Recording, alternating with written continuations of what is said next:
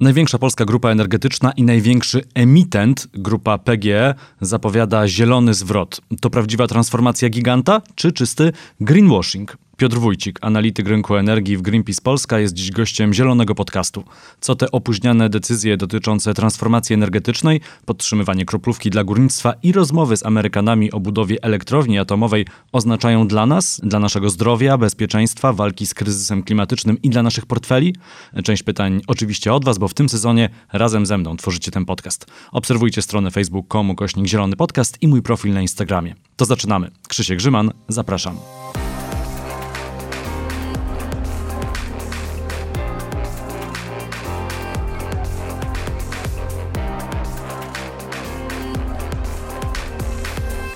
Gościem Zielonego Podcastu jest Piotr Wójcik, analityk rynku energii w Greenpeace Polska. Dzień dobry. Dzień dobry. Czy to się wydarzyło? Czy to się wydarzyło, że polski rząd i polska energetyka przechodzi na zieloną stronę mocy? Bo PG, największa grupa energetyczna w Polsce, zapowiedziała, no przynajmniej własnymi słowami, wielki zwrot y, w zieloną stronę i uwaga, wydzielenie aktywów węglowych. Co to w zasadzie oznacza? Bo wiemy, że opóźnienie w transformacji energetycznej mamy wielkie. Tak, faktycznie ta nowa strategia ogłoszona przez PGE Podczas tego ogłoszenia obecny był pan minister Sasin i minister Kurtyka. Była zapowiadana jako wielki zwrot i początek transformacji polskiego sektora energetycznego.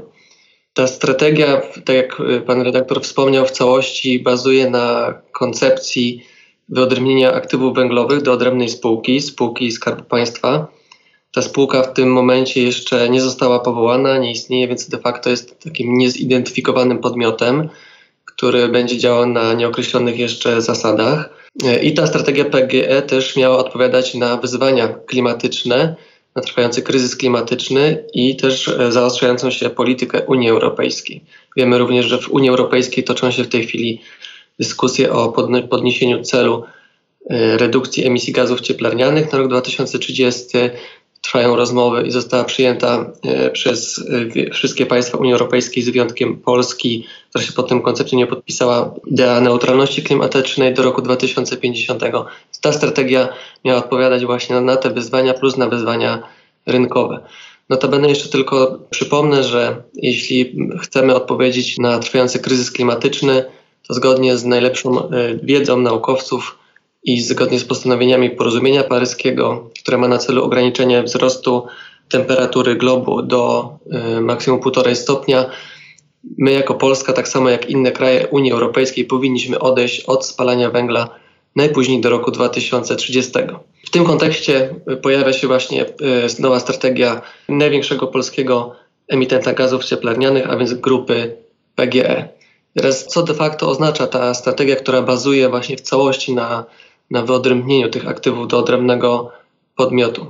Y, wyodrębnienie i pozbycie się tych aktywów węglowych tak naprawdę można czytać z trzech perspektyw. Pierwsza to jest taka, że z perspektywy całego systemu energetycznego Polski tak naprawdę nie jest to żadna transformacja, bo my jako Polacy i Polki, y, posiadając nasz system energetyczny, przekładamy aktywa węglowe, czyli trudny problem, nasze wyzwanie, z którym do tej pory sobie nie radziliśmy, nie, rząd nie podejmował w tym zakresie zdecydowanych działań i nie miał konkretnego planu transformacji polskiej energetyki, przekłada z jednej kieszeni do drugiej. Czyli de facto my cały czas zostajemy z tym, z tym problemem, z tym wyzwaniem. Nadal e, nie znamy konkretnego harmonogramu wygaszania elektrowni węglowych, nie znamy e, konkretnej daty odejścia Polski od spalania węgla. Spółka PGE w swojej strategii również oficjalnie nie wycofała się z dalszych planów otworzenia nowej kopalni odkrywkowej na złożu Złoczew. Pomimo tego, że prezes Dąbrowski jasno zaznaczył, iż projekt ten jest nierentowny, a jego kontynuacja oznaczałaby działanie na szkodę spółki i PGE nadal ubiega się o przedłużenie koncesji w drugiej wielkiej kopalni odkrywkowej węgla brunatnego w Turowie. Tak więc pod względem wzięcia odpowiedzialności za prawdziwą transformację polskiej energetyki, e, tego ta strategia nie, nie przewiduje. A czy można by nazwać to, co się dzieje swego rodzaju greenwashingiem e, PGE? To znaczy bierzemy to, co jest niewygodne dla spółki i gdzieś wydzielamy na zewnątrz. E, spółka oczywiście notowana na giełdzie, ale państwowa i mówimy, no dobrze, to my teraz umywamy od tego ręce, to było nasze, teraz już nie jest nasze, niech się rząd, państwo, czyli w pewnym sensie my wszyscy, a jednocześnie nikt tym martwi. Tak, dokładnie. E, niestety z perspektywy nas, Polek i Polaków i transformacji systemu energetycznego to jest greenwashing i to jest pod umycie rąk i pozbycie się odpowiedzialności za taką realną transformację sektora energetycznego, która jest w Polsce y, totalnie niezbędna. Z punktu widzenia spółki giełdowej taki ruch jest bardzo sprytnym ruchem i sprytnym umyciem rąk. Y, spółka PGE od dłuższego czasu borykała się, czy też ma obecnie również problemy z pozyskaniem finansowania. W związku z tym właśnie, że ciążą jej aktywa węglowe, coraz więcej instytucji finansowych, banków i w Polsce, i europejskich, i które mają siedziby swoje euro, w Europie, odchodzi od finansowania biznesów związanych z paliwami kopalnymi. Nawet największy y, bank multilateralny w Unii Europejskiej, Europejski Bank e, Inwestycyjny w zeszłym roku ogłosił, że do, po 2021 nie będzie finansował e, żadnych paliw kopalnych, a więc nie tylko węgla, ale również i projektów gazowych. I to świadczy jednoznacznie o tym, e, jak ryzykowne są e, takie e, przedsięwzięcia dla banku do finansowania. I z tym problemem boryka się PGE. Również ubezpieczyciele nie chcą przejmować odpowiedzialności i ubezpieczać projektów węglowych, więc pozbycie się aktywów węglowych, wyodrębnienie ich i zostawienie tego problemowi w rękach spółki Skarbu Państwa, tej nowej wyodrębnionej i w naszych rękach, to będzie ciążyć nam wszystkim, ma na celu właśnie ominięcie tego problemu finansowego PGE. I faktycznie właśnie z tego punktu mm, widzenia ten sprytny ruch, dlaczego on jest też takim greenwashingiem? Greenwashingiem jest też dlatego, że e, to na PGE e, spoczywa największa odpowiedzialność za poprowadzenie transformacji w Polsce. PGE jest największym w Polsce emitentem gazów cieplarnianych. Emituje około 20% całkowitych emisji dwutlenku węgla w Polsce to są ogromne, ogromne ilości. Żeby sobie to uzmysłowić, możemy sobie wyobrazić, że jest to więcej e, niż emituje niejeden pojedynczy kraj w Europie. Jest to więcej niż e, emisje Grecji, więcej niż emisje Austrii, więcej niż emisje Portugalii, więcej niż emisje Węgier. Mówimy tutaj o emisjach tych krajów z wszystkich sektorów gospodarki, a nie tylko z sektora energetyki. W związku z tym e, na tak dużym podmiocie istot, istotnym, jeśli chodzi o emisje, spoczywa szczególna e, odpowiedzialność e, za klimat, za środowisko i za losy Polek i Polaków i przyszłych pokoleń. Dlatego w tym kontekście pozbycie się tej odpowiedzialności i umycie rąk e, tylko po to, żeby, żeby z perspektywy spółki giełdowej wykonać właśnie sprytny ruch, no to jest, jest to, jest to nieodpowiedzialne. O tej nieodpowiedzialności PGE można by też długo opowiadać z innych perspektyw, bo nasza fundacja Greenpeace Polska złożyła pozew klimatyczny przeciwko spółce córce PGE, przeciwko y, spółce PGE GIEK konkretnie. Ta spółka w ramach grupy odpowiada za przeważającą większość emisji, około 80% całej grupy. I w odpowiedzi na nasz pozew otrzymaliśmy stek bzdur, y, mitów klimatycznych i bajek, które opowiada PGE GIEK te absurdy są naprawdę ogromne. W szczególności PGE GIEK podaje, że obserwowana zmiana klimatu nie jest spowodowana przez e, człowieka, a że jest to proces naturalny.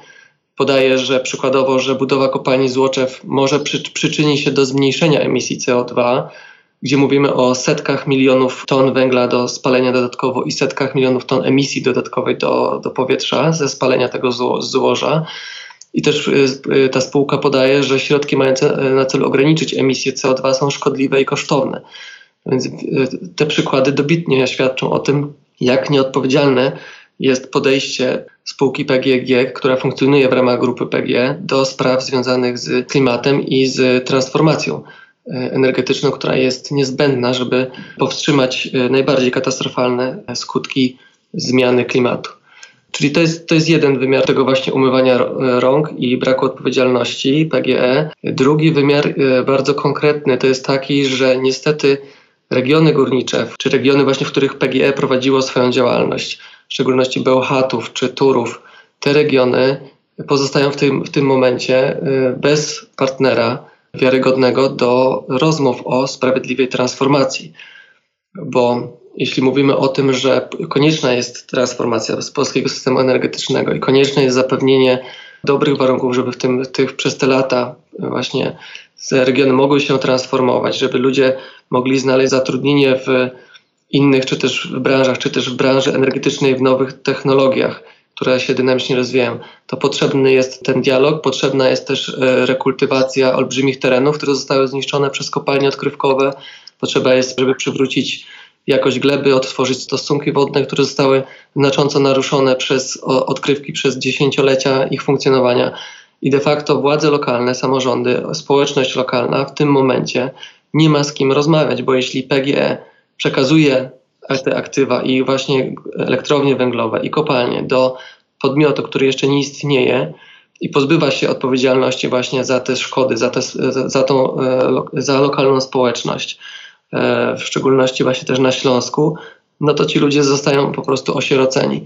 Nie ma rzetelnego partnera do rozmów. To jest drugi bardzo konkretny, konkretna konsekwencja ogłoszenia tej strategii i de facto my jako Polki i Polacy zostajemy cały czas z tymi problemami na tapecie. I też y, można jasno powiedzieć, że badania opinii publicznej jasno pokazują, że Polki i Polacy chcą odejścia od węgla do roku 2030, bo 3 czwarte Polek i Polaków właśnie opowiada się za taką opcją. To są badania z roku 2019. Więc PGE również nie bierze pod uwagę tego głosu społeczeństwa. Węgiel bardzo ciążył PGE, prezes powiedział, że jeśli te aktywa pozostałyby na stanie grupy, to spółka opadłaby w ciągu półtorej roku. To świadczy o wymiarze tego ciężaru. I całość tej, tej konferencji, tej ogłoszenia tej, tej strategii, kontekst, w jaki to zostało ubrane, a więc też obecność przedstawicieli rządu na tej konferencji jest z jednej strony greenwashingiem spółki, z drugiej strony też jest, e, może być jasno postrzegane jako kolejne ćwiczenie wykonywane przez polski rząd z cyklu co zrobić, żeby jak najdłużej utrzymać węgiel w Polsce, zdjąć tą presję rynkową z branży węglowej i pociągnąć dłużej.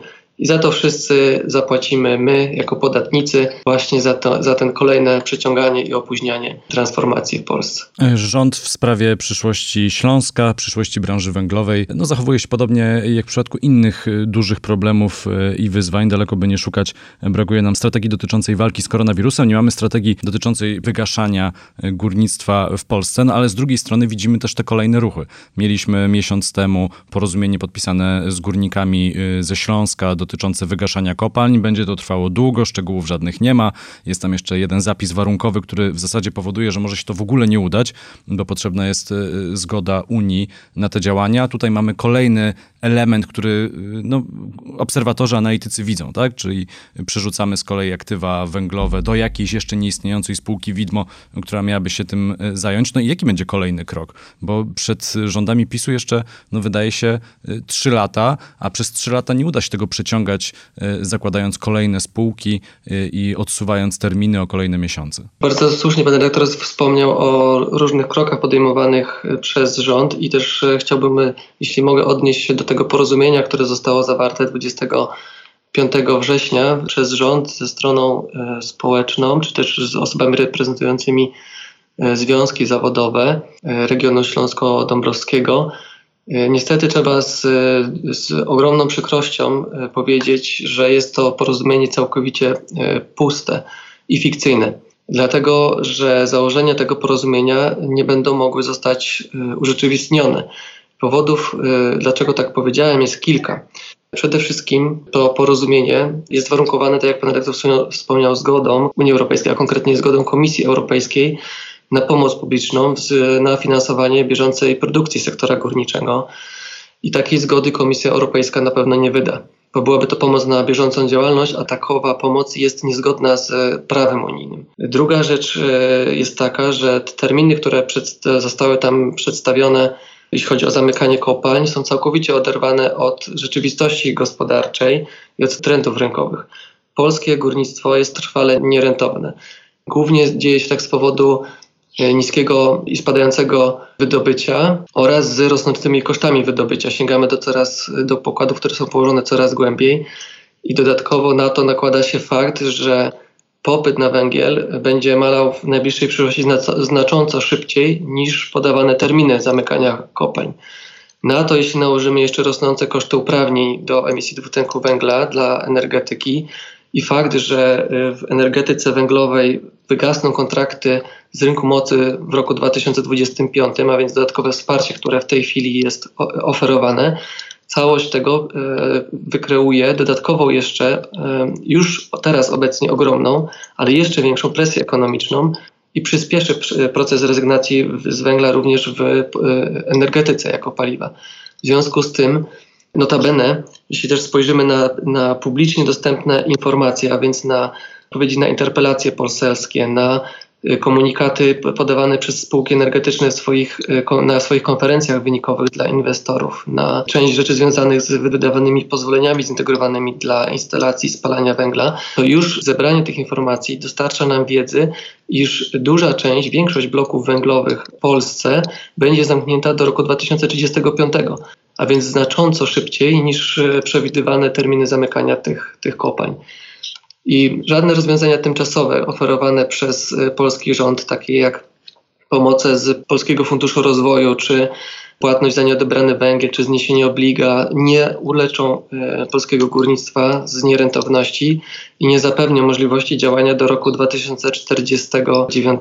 I też absolutną mrzonką jest y, opowiadanie górnikom o, o projektach takich jak wychwyt i składowanie dwutlenku węgla, czy gazyfikacja węgla, więc potrzeba jest, to, to wszystko świadczy o tym, że zarówno rząd, jak i e, przedstawiciele związków zawodowych w tym porozumieniu naprawdę nie objęli prawdziwą troską górników na Śląsku. Potrzebne są fakty, potrzebne jest to, żeby, żeby górnicy żeby mieli świadomość realiów rynkowych i również klimatycznych, które, w których się znaleźliśmy i żeby powstał realny plan, który naprawdę pozwoli na prawdziwą transformację, sprawiedliwą transformację Śląska i innych e, regionów górniczych. Dlatego najbliższe e, kroki, które tak naprawdę przed nami stoją i przed polskim rządem, to jest wykreowanie takiego planu e, transformacji polskiej energetyki i takie, stworzenie takiego modelu systemu energetycznego, który odpowiadałby na, z jednej strony na kryzys klimatyczny trwający, politykę klimatyczną Unii Europejskiej, uwzględniał zwiększone cele emisji, redukcji emisji gazów cieplarnianych, które zaraz zostaną przez e, Unię Europejską przyjęte. Uwzględniał neutralność klimatyczną, ale też uwzględniał wszystkie te wyzwania rynkowe, które, o których właśnie wspominałem. I w tym zakładał odejście od węgla w Polsce do roku 2030. Co jak też notabene zaznaczyłem, nie powinno być takie trudne w kontekście tego, że i tak większość bloków węglowych będzie wygaszona do roku 2035.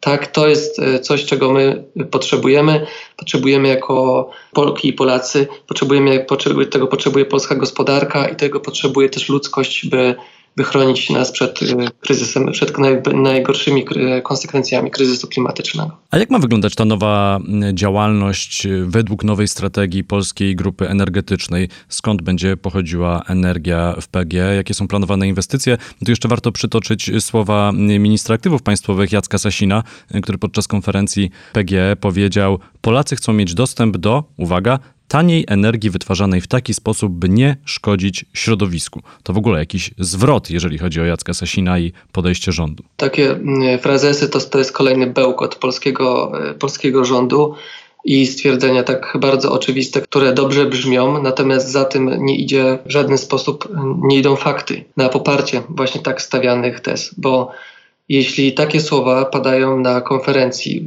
Y, oczywiście PGE, PGE twierdzi, to, to o czym mówiliśmy przed chwilką, PGE twierdzi, że w swoim miksie zakłada, że w 2050 roku 100% energii będzie pochodziło z odnawialnych źródeł energii. Tam y, do tego miksu wchodzą jeszcze magazyny, magazyny energii. I to jest y, piękna wizja, piękna wizja z perspektywy spółki giełdowej, ale jednocześnie mówimy o tym, że dalej będą istnieć elektrownie węglowe i że nie mamy harmonogramu do ich, do ich zamykania. Teraz, żeby energia była tania i przyjazna środowisku, to powinna w całości y, z perspektywy całego systemu energetycznego, a nie tylko pojedynczej spółki giełdowej, pochodzić właśnie z odnawialnych źródeł energii. W tym miksie powinny znajdować się właśnie również magazyny energii, ale całość również powinna być elementem szerszego systemu, w którym znajdzie się miejsce również na efektywność energetyczną, na zarządzanie popytem na energetykę prosumencką dostępną dla, dla obywateli i obywatelek. I to wszystko może spowodować wówczas, że, że energia będzie faktycznie tania. Y, jeszcze o, o, tej taniości za chwilkę chciałem jedno słowo dodać. Natomiast y, w ustach ministra aktywów państwowych i ministra y, Kurtyki, ministra klimatu i środowiska, mowa o tym, że ta energia powinna być tania, tania i przyjazna dla środowiska w kontekście tego, że przekładamy brudy z jednej kieszeni do drugiej i my jako Polki i Polacy dalej zostajemy z tym samym problemem i nie mamy konkretnej deklaracji o tym, jak go rozwiązać, czyli jak przejść w, w całości właśnie na jak zrezygnować z węgla i jak przejść w całości na odnawialne źródła energii, plus te wszystkie elementy, które są niezbędne, żeby ten system funkcjonował. Bez tych konkretów y, dalej jesteśmy w miejscu, gdzie, y, gdzie byliśmy przed ogłoszeniem tej strategii. Czyli warto, warto pamiętać zawsze o tej szerszej perspektywie, warto patrzeć na całość gospodarki, y, a nie tylko na, na strategię podmiotu, bo dalej pamiętajmy, te aktywa węglowe będą przeniesione do innej kieszeni, będą funkcjonować i dopóki my nie poznamy terminów i planu konkretnego, jak z nich zrezygnować do roku 2030, czym je, czym je zastąpić, to nie będziemy mogli mówić o tym, że będziemy w Polsce mieli tanią energię i przyjazną e, dla środowiska. I teraz jedno tylko słowo jeszcze od, odnośnie tej taniości, taniości energii. My w Polsce na rynku hurtowym mamy jedno z najdroższych energii y, spośród państw Unii Europejskiej. To jest spowodowane y, w szczególności tym, że mamy bardzo wysoki udział energetyki węglowej w naszym miksie. Trzy czwarte prądu, które produkujemy w Polsce pochodzi właśnie z węgla. Tymczasem, y, jak popatrzymy na raport opublikowany przez Międzynarodową Agencję Energii, E, ostatnio, dosłownie publikowany około tygodnia czy dwóch tygodni temu, i spojrzymy na koszty produkcji energii elektrycznej w Unii Europejskiej, albo, a więc nie gdzieś w odległych krajach, tu na naszych podwórkach, i popatrzymy na koszt wyprodukowania e, megawattogodziny z różnych źródeł e, energii, to widzimy jasno, że najdroższa jest energia wyprodukowana z atomu. W chwili obecnej około 150 dolarów za megawattogodzinę. Na drugim miejscu znajduje się energia wyprodukowana z węgla 130 dolarów za megawattogodzinę, więc na poziomie zbliżonym w tym momencie zbliżonym do energii z atomu. Tymczasem nieco, nieco niższa jest y, energia produkowana z y, gazu 90 dolarów i na czele, y, na czele, jeśli chodzi o najniższe koszty produkcji energii, są odnawialne źródła energii, to jest 55 dolarów za megawattogodzinę, a więc prawie trzykrotnie mniej niż energia z atomu, dwukrotnie, e, ponad dwukrotnie mniej niż energia z węgla i znacząco, e, znacząco mniej niż energia z gazu. I ta agencja, podając również prognozy na rok 2040, te koszty odnawialnych źródeł energii będą dalej spadać. W szczególności będzie spadać, e, będzie spadać cena energii produkowanej z wiatru na morzu. I my tego, to jest właśnie coś, czego my potrzebujemy. To jest kierunek technologii przyszłości. To są źródła, które potra będą potrafić zapewnić tanią, tanią energię, która nie tylko będzie tania dla, obywatel dla obywateli i obywatelek, ale również będzie wspierać konkurencyjność polskiej, polskiej gospodarki. Przewidywania dla, dla kosztów energii z gazu czy z, z węgla na rok 2040 są takie, że ta, ta cena będzie rosnąć.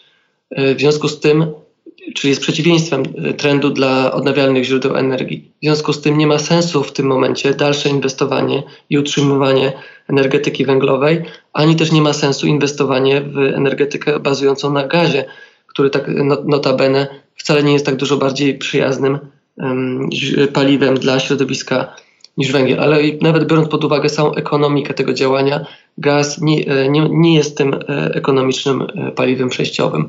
E, więc to jest te odnawialne źródła energii, to jest ta nasza przyszłość, to jest źródło taniej energii dla, dla nas wszystkich i dla gospodarki.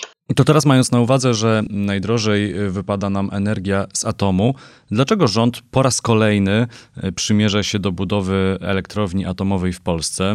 To też informacja z ostatnich dni. Polsko-amerykańskie porozumienie, ono e, ma perspektywę aż 30 e, lat, ale w ciągu najbliższych 18 miesięcy Amerykanie mają nam przedstawić, jaką technologię mają, jaką mogą nam sprzedać i jak taką inwestycję w pierwszą elektrownię atomową w Polsce, jak taką inwestycję sfinansować. Wiemy, że ta inwestycja będzie trwała długo, wiemy, że będzie droga. Z doświadczeń innych państw możemy założyć, że prawdopodobnie przekroczy koszty, a sama energia dla odbiorcy indywidualnego czy dla firm też będzie dużo droższa niż energia zielona. Dlaczego my znów rozmawiamy o atomie w Polsce?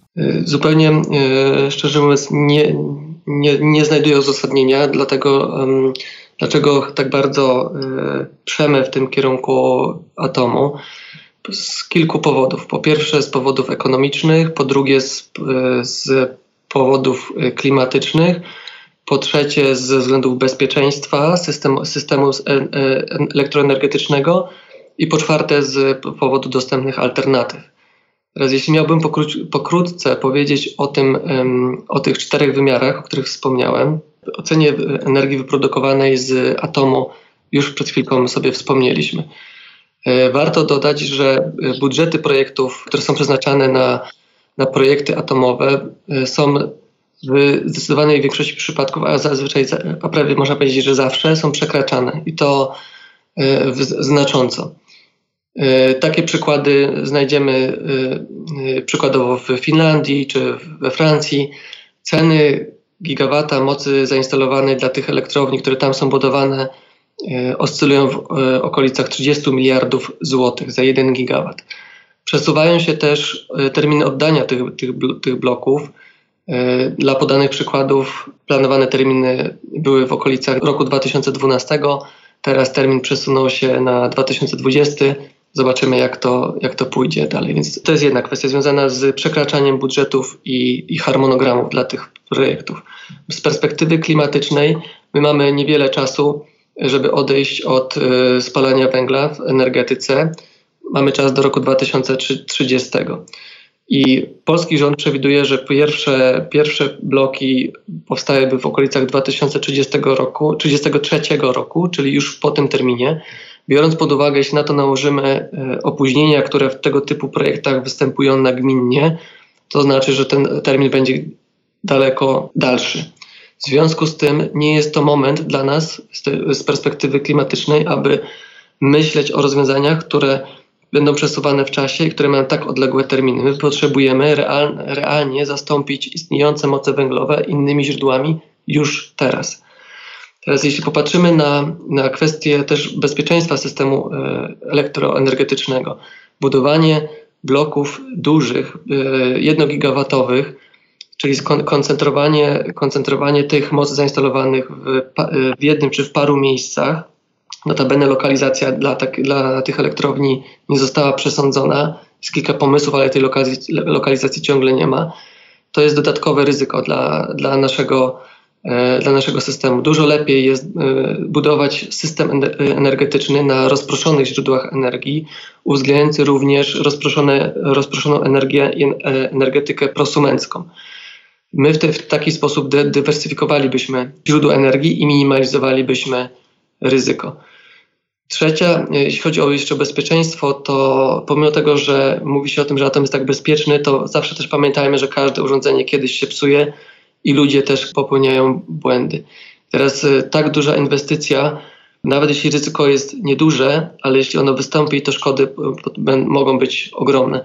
Jeśli mówimy o tym, że Polska planuje wydać 100, e, prawie 150 miliardów złotych na takie projekty, to pomijając kwestię skąd wziąć takie finansowanie, bo Polska takich pieniędzy nie ma i pomijając fakt, fakt że jest to ekonomicznie całkowicie nieopłacalne, ze względu na to, że są dużo tańsze alternatywne źródła energii, odnawialne, o których wspomnieliśmy o, i o kosztach, których wspomnieliśmy przed chwilką, to jeśli popatrzymy historycznie na szkody, które były na przykład wyrządzone przez katastrofę w, w Fukushimie, to, to tam szkody są liczone, szacowane na pomiędzy 100 a 500 miliardów dolarów yy, wyrządzonych przez taką katastrofę. Więc nawet jeśli złożymy niskie prawdopodobieństwo z tak wysoką szkodą, no to jest, jest to jasne, że jak duże ryzyko w tym całym, w tym całym systemie polega.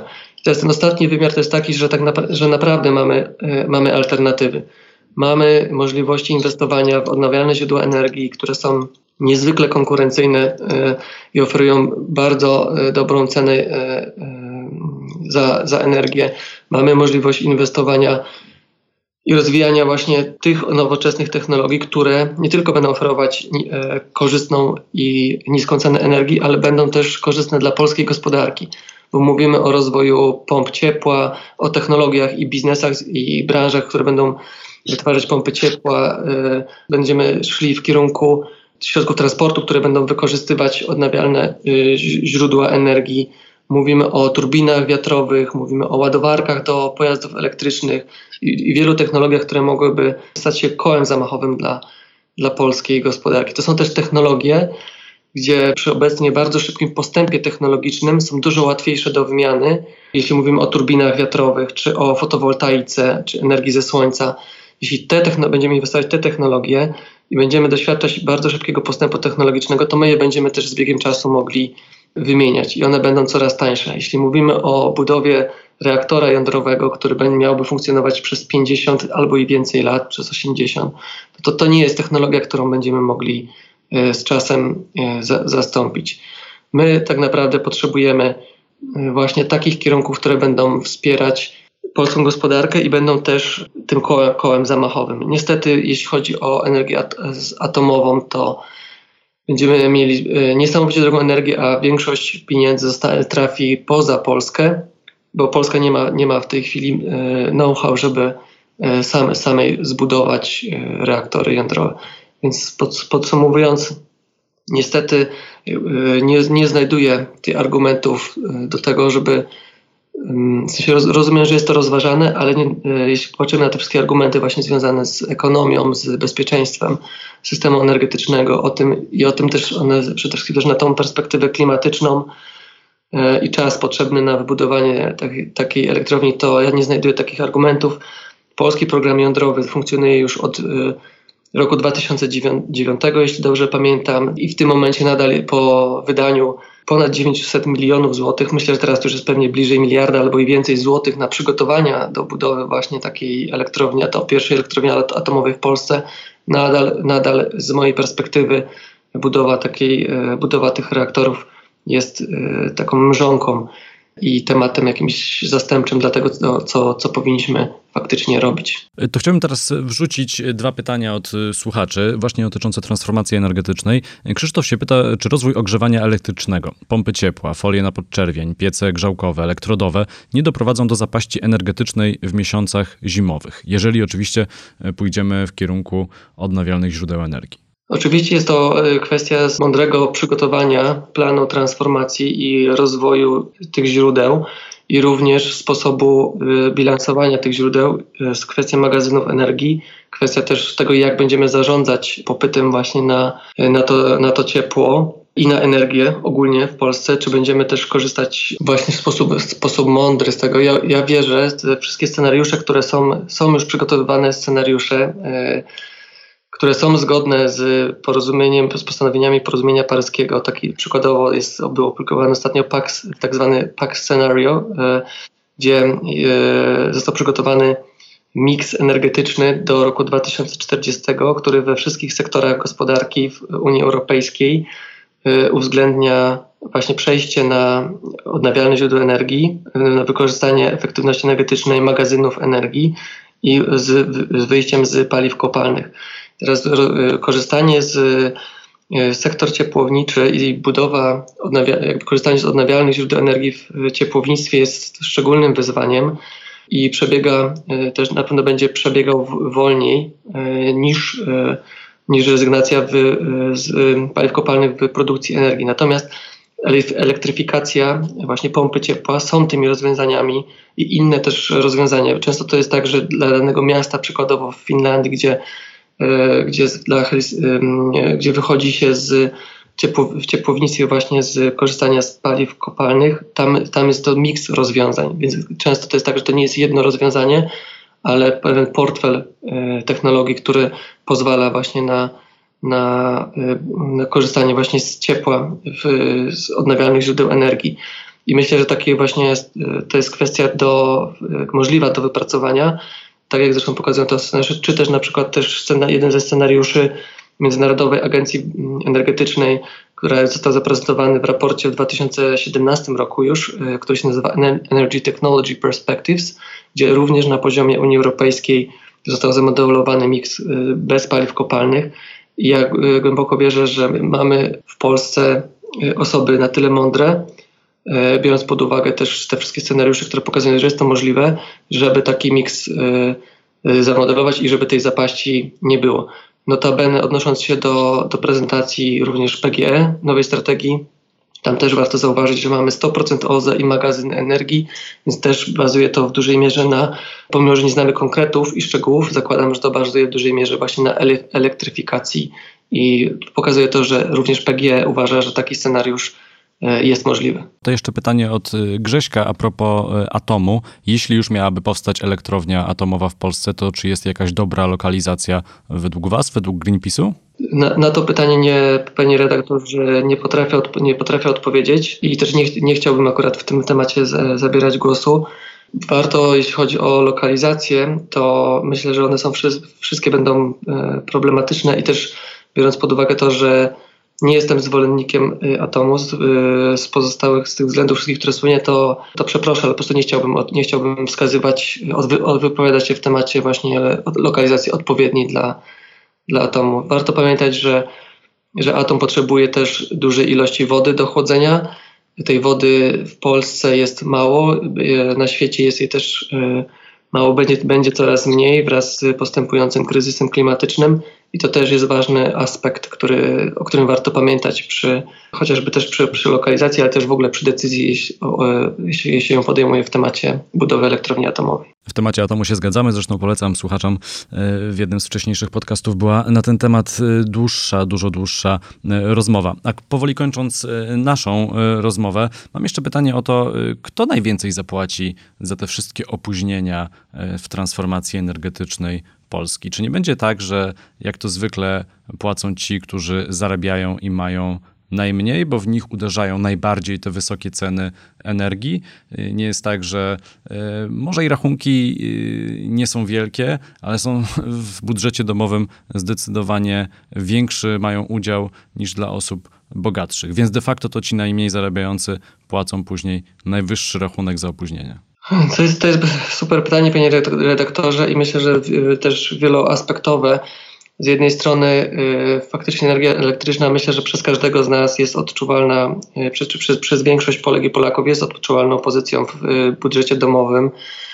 Ja bym popatrzył na to też z perspektywy takiej, że, że, ona, że ona jest wysoka, ale też pamiętajmy właśnie o tym, że my mamy alternatywy, mamy możliwości, żeby w dłuższym terminie powodować, żeby ona właśnie, żeby te rachunki nasze malały. Ta, ta wysoka cena, y, za którą my płacą nie tylko obywatele, ale również y, gospodarka i przemysł, który energochłonny, który ta cena przecież w wielu przypadkach determinuje konkurencyjność, konkurencyjność gospodarczą naszych podmiotów, czy też podmiotów i firm działających w Polsce, więc jest niezwykle ważna.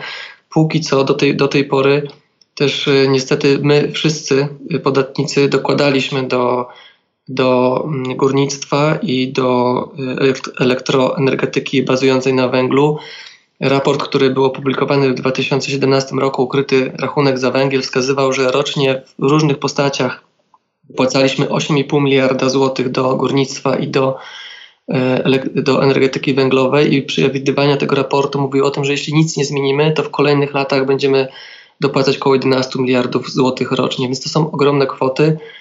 E, I myślę, że e, właśnie ta, ta, ta, też z tego względu właśnie ta transformacja i odejście od energetyki węglowej jest tak bardzo nam wszystkim e, potrzebna. Niestety w najbliższych czasie, ponieważ cały czas tych konkretów nie znamy, będzie powołana jakaś spółka Skarbu Państwa, która będzie działać na nieokreślonych zasadach. Boję się, że, że dalej będziemy my wszyscy konsumenci i też przedsiębiorcy polscy y, dokładać do tego i długofalowo będzie to, będzie to y, nie tylko wpływać na nasze budżety domowe, ale również na konkurencyjność polskiej gospodarki. A konkurencyjność polskiej gospodarki znowu będzie przekładać się na, również na miejsca pracy, na, na, na nasze życie. W związku z tym warto, warto już teraz stawiać na te technologie przyszłości, które będą kreować miejsca pracy, które będą przyjazne środowisku, które będą umożliwiać też yy, będą częścią tej, transforma tej transformacji, szczególnie w obecnych okolicznościach y, kryzysu post-covidowego, gdzie y, zmagamy się z bardzo trudnymi rzeczami, zmagamy się z, z walką o ludzkie życie i będziemy za chwilkę mówić, za, za chwilkę wchodzić ten kryzys post-covidowy. On już trwa, ale on jeszcze będzie głębszy i będą różne środki trafiały do, do gospodarki i z Polski, i z Unii Europejskiej i warto, żeby one były kierowane w rozwiązania, które będą w przyszłości właśnie zapobiegać kryzysom, serii kryzysów, która y, y, może wynikać właśnie z, i będzie związana z trwającym kryzysem klimatycznym. I żeby, żeby już zakończyć, y, też warto pamiętać o tym, że, że ta transformacja to, są też dla nas, to jest też dla nas szansa. Szansa na środki z Unii Europejskiej, szansa do tej pory e, na, na, na właśnie budżet unijny, którego znaczna część, 30% ma być wydatkowana na rzeczy związane z klimatem. Szansa na wykorzystanie środków z Funduszu Sprawiedliwej Transformacji, na fundusze, e, na mądre spożytkowanie pieniędzy, które trafiają do budżetu państwa w ramach europejskiego systemu handlu emisjami, żeby to kierować właśnie na realną transformację, na realną zieloną e, transformację w Polsce, którą będziemy się cieszyć i która też odpowie na te wyzwania y, kryzysu klimatycznego y, i przyczyni się do tego, żebyśmy wszyscy mogli powiedzieć, że przyłożyliśmy się solidarnie do tego, żeby y, przyszłe pokolenia mogły żyć tutaj na tej, na tej planecie. I to na koniec jeszcze jedno pytanie zupełnie niezwiązane z tematem, ale obiecałem, że je zadam, bo ktoś pytał, a jak się pracuje w Fundacji Greenpeace Polska? Dobrze? Pracuje się fantastycznie z poczuciem tego, że, że uczestniczy się w bardzo wartościowych tematach ze wspaniałymi ludźmi y, z, i z poczuciem, że, że faktycznie też to, co się robi, przynosi i przyniesie realną zmianę i z poczuciem takiej misji y, w trosce o jakby z, z, dużym ciężarem świadomości tego trwającego kryzysu klimatycznego i tego, co jest przed nami, szczególnie jak się czyta te wszystkie opracowania naukowców, najlepszych na świecie i panelów, międzyrządowych panelów do spraw zmian klimatu, e, ale też z, z dużym poczuciem satysfakcji i, i, właśnie tak jak mówię, misji, że warto, warto walczyć, bo ciągle jeszcze, ma, ciągle jeszcze mamy czas i mam nadzieję, że właśnie też e, na, znaczy, e, widzę, wierzę i też, że, że robimy dobre rzeczy. E, I też ja może osobiście powiem, że czuję ogromną właśnie satysfakcję z tego, że tutaj jestem i mogę, mogę uczestniczyć w tym, e, w tym co robię i, wierzę, że to będzie coś, co jest to dla mnie niezwykle wartościową sprawą i też częścią mojego życia po prostu.